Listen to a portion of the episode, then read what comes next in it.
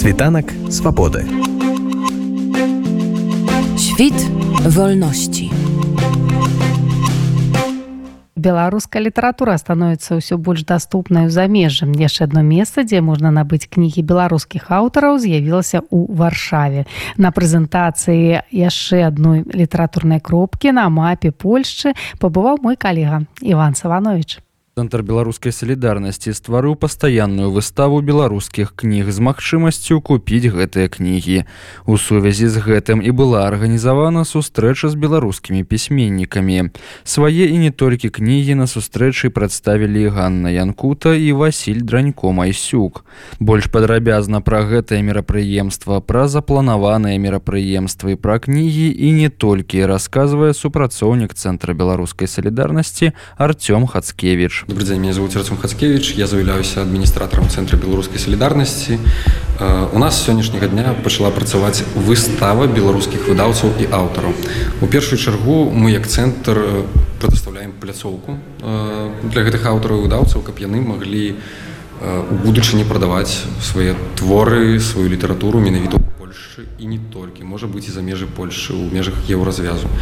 Э, Салдацкі гэта таксама частка аднаго з выдаўцаў, У мэтах бяспекі мы не кажам з кім супрацоўнічаем бо вядома. І ў прынцыпе гэта будзе настала ў цэнтры выстава будзе пашырацца будзе працаваць штодзённа. То бок можна будзе прыходзіць у працоўныя гадзіны цэнтра побачыце ў будучыні набыць кніг на жаль менавіта на сённяшні момант мы яшчэ не паспелі э, дамовіцца. Непасрэдна мы не будзем прадаваць э, як цэнтр мы толькі выставу робім. Э, але у гэтыя кнігі можна будзе забіраць менавіта тут бо яны тут выстаўляюцца.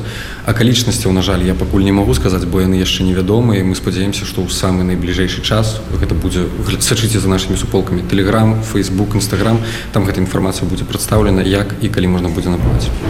Улічваючы тое што гэтая выстава будзе сталая мы спадзяемся у нас ёсць у планах праводзіць такія мерапрыемствы раз у некаторы час. Не магу пакуль сказаць месяц тыдні гэта будзе гэта будзе залежаць у тым ліку аўтараў і канешне канешне гэта ўсё будзе адбывацца ў цэнтры і будзем запрашаць пісьменніца і перакладчыца кніг Ганна Янкута. Сярод іншых прадставіла і сваю знакамітую канстытуцыю. Кнігу выдадзеную ў двух варыянтах.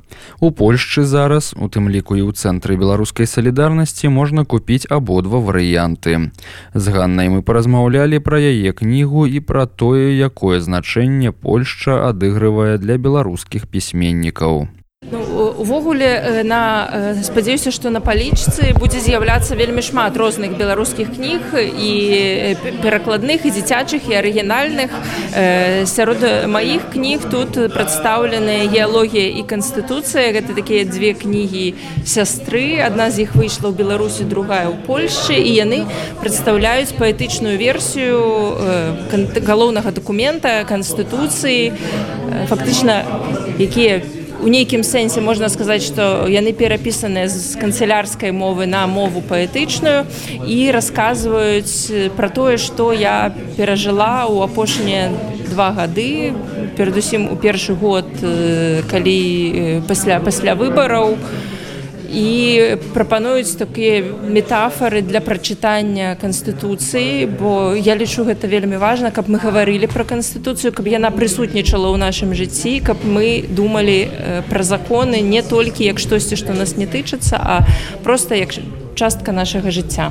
Ну увогуле э, выда... магчымасць выдавацца ў польшчы цяпер э, фактычна адна з нямногіх магчымасцяў у прынцыпе выдавацца бо выдавацца ў беларусі ўсё цяжэй. Э, як вядома многія выдавецтвы закрываюцца ліквідоўваюцца і асабліва гэта выдавецтвы якія працуюць з беларускамоўнай літаратурай. У польшчы э, таксама яшчэ пакуль вельмі шмат складанасцяў бо все ж таки выдавецтвы яшчэ не дзейнічаюць так шырока як яны дзейнічалі раней у беларусі выдавецтвы яшчэ толькі пачынаюць. Там напрыклад нешта выдае выдавецтва нушкевич ужо у тут можна купіць нешта. Але ўсё ж таки яшчэ даволі цяжка просто прыйсці сказаць вось у мяне ёсць кніга а давайте яе выдадзім таму у нейкім сэнсе гэта была вялікая прыгода і ў беларусі выдаць кнігу і ў польшчы. І у польшчы ўдалося выдаць з фундацыі камунікат орг дзякуем за дапамогу з выданнем гэтай кнігі спадзяюся што магчымасцю будзе рабіцца ўсё больш і кніг будзе выходзіць усё больш пакуль яшчэ гэта толькі пачатак гэтага працэсу руху. Безумоўна выданне ў польльшы ёсць нашмат больш рэчаў якія цяпер магчыма выдаць у польльшы бо ў беларусі цэнзура і самацэнзура прысутнічаюць і вядома што многае многае просто немагчыма цяпер выдаць у беларусі ўвогуле. Польшчы такіх абмежаванняў няма зусім. Безумоўна ў межах крымінальнага кодексу польшчы. Безумоўна досыць цяжка гаварыць пра попыт увогуле нейкім пра нейкія лічбы гаварыць калі беларусы цяпер раскіданыя вельмі моцна павялі па розных краінах. Хтосьці застаўся ў беларусі хтосьці з'ехаў польшу літву грузію і ў іншыя краіны. Э, таму э, вельмі цяжка э, па-першае безумоўна попыт не такі які быў у беларусі до два -го года увогуле калі казаць пра ранейшы час то было адчуванне што колькасць чытачоў увесь час расце. Допустим колькасць чытачоў 10 гадоў 5 гадоў таму і три гады таму гэта ўжо тры розныя э, лічбы і яно ішло в нейкім сэнсе да лепшага. Хаця безумоўна гэта не былі было такое что там чытала 100 стала чытаць 100 тысяч. Безумоўна не настолькі моцны быў рост. э, але цяпер безумоўна ёсць адчуванне что э, людзей цікавіць беларуская кніга людзі хочуць яе купляць і такія навіны як адкрыццё крамы беларускай літаратуры у варшаве яны сустракаюць вялікі энтузіазм ёсць яшчэ одна кропка у беларускім моладзевым хабе цяпер з'явілася тут у цэнтры беларускай салідарнасці таксама я ведаю што янушкевич ужо прадае кнігі праз алегра можна замовіць кнігі ў камуніката уже тое што кропак робіцца больш э, показвае тое што гэта запатрабавана то бок яны б не з'яўляліся калі б людзі не цікавіліся. Таму ў нейкім сэнсе вельмі асцярожныя надзеі тут можна але зноў жа са зніжкай на нашу сітуацыю. Бо канешне у калі параўнаць з свабоднай краінай то гэта ўсё яшчэ і вельмі малыя магчымасці для выдання і вельмі малыя магчымасці для пакупкі кніг. Калі я была ў беларусі у мяне прыкладна кніга выход дзіцячая выходзіла і некалькі перакладных то цяпер безумоўна такога быць не можа. Але будзем спрабаваць нешта рабіць і, і для дзяцей для дарослых пакуль штосьці дакладна сказаць цяжка бо немагчыма шмат якія рэчы прадказаць. Напрыклад выдаць дзіцячую кнігу за мяжой пакуль што яшчэ здаецца мне справай вельмі складаная бо дзіцячая кніга дарагая. Гэта друк не тое што кнігу вершаў выдаць бо колер ілюстрацыі і нават платам ганарар мастаку гэта ўжо сур'ёзныя выдаткі. Але будзем спадзявацца што з цягам часу мы альбо зможам вярнуцца і ўсё уладкаваць назад у сваёй краіне альбо будзем шукаць магчымасці рабіць гэта тут пісьменнік Васіль дранько майсюк прадставіў на выставе дзве кнігі. Першая дакументальная кніга натуральны як лінія небасхілу кніга распавядае пра невядомыя шырокай публіцы старонкі жыцця сапраўды вялікага беларускага паэта Масіма танка. Другая кніга таямніцы нашага садка кніга для дзяцей у жанры фантастыкі Дарэчы, спадар Васіль сам працуе ў цэнтры беларускай салідарнасці з дзецьмі. Ён распавядае ім аб тэатральным мастацтве.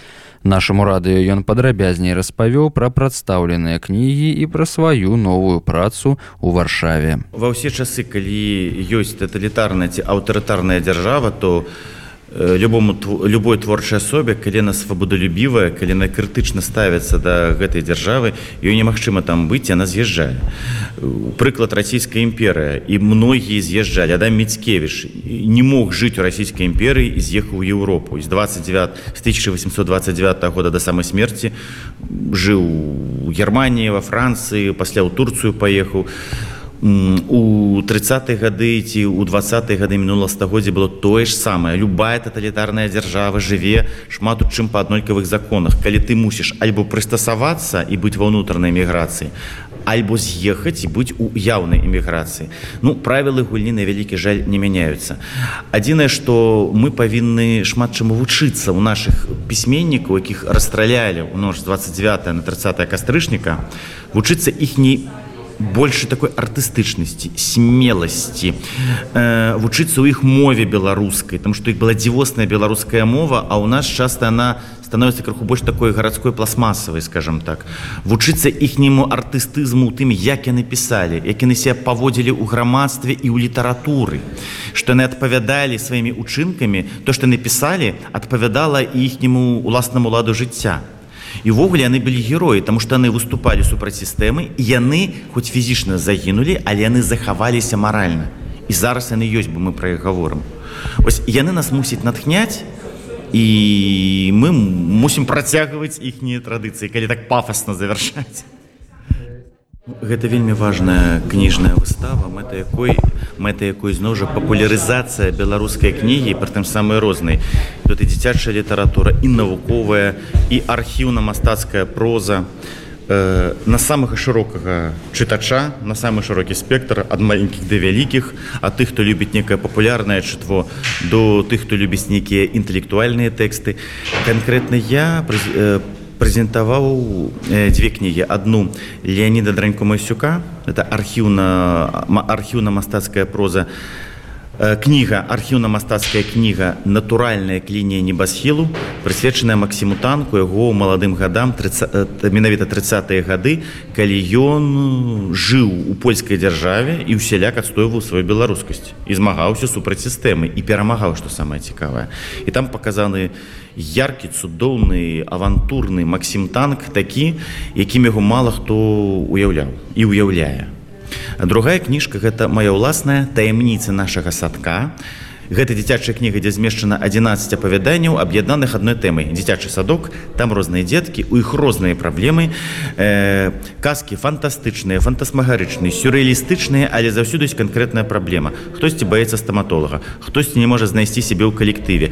Хтосьці уцякае ў свет фантазійнай гісторыі і там менавіта становіцца супер рыцарам цішы кімсьці. Э, кожны знойдзе ў гэтай кнізе самога сябе, кожны знойдзе тое, што спадабаецца яму. Таму я гаварю гаварыў і пра гэта. Вечарына была вельмі цікавая такая вельмі багатая на эмоцыі. Вось і спадзяюся што ўсім спадабалася. І хочацца каб часцей былі такія мерапрыемствы Я працую у некалькіх э, таких адукацыйных прасторах. У, у першае цэнтр беларускай салідарнасці. Кожную суботу з 4 до 6 мы праводзім тэатралізаваныя заняткі по беларускай мове. Вось зараз мы рыхтуем спектакль паводле балады адама міцкевіча свецезянка А так гаворым пра ўсё і пра Масіма танка і пра францішка ляхновіча пра леаніда драньку мысюка пра мехася чарота. Дзецям это цікава. Узрост ад 5 там до 15 гадоў. Яны аб'яднаны адной ідэі таксама у мастацкай школе імя равенскага ідуць таксама тэатралізаваныя заняткі по беларускай літаратуры.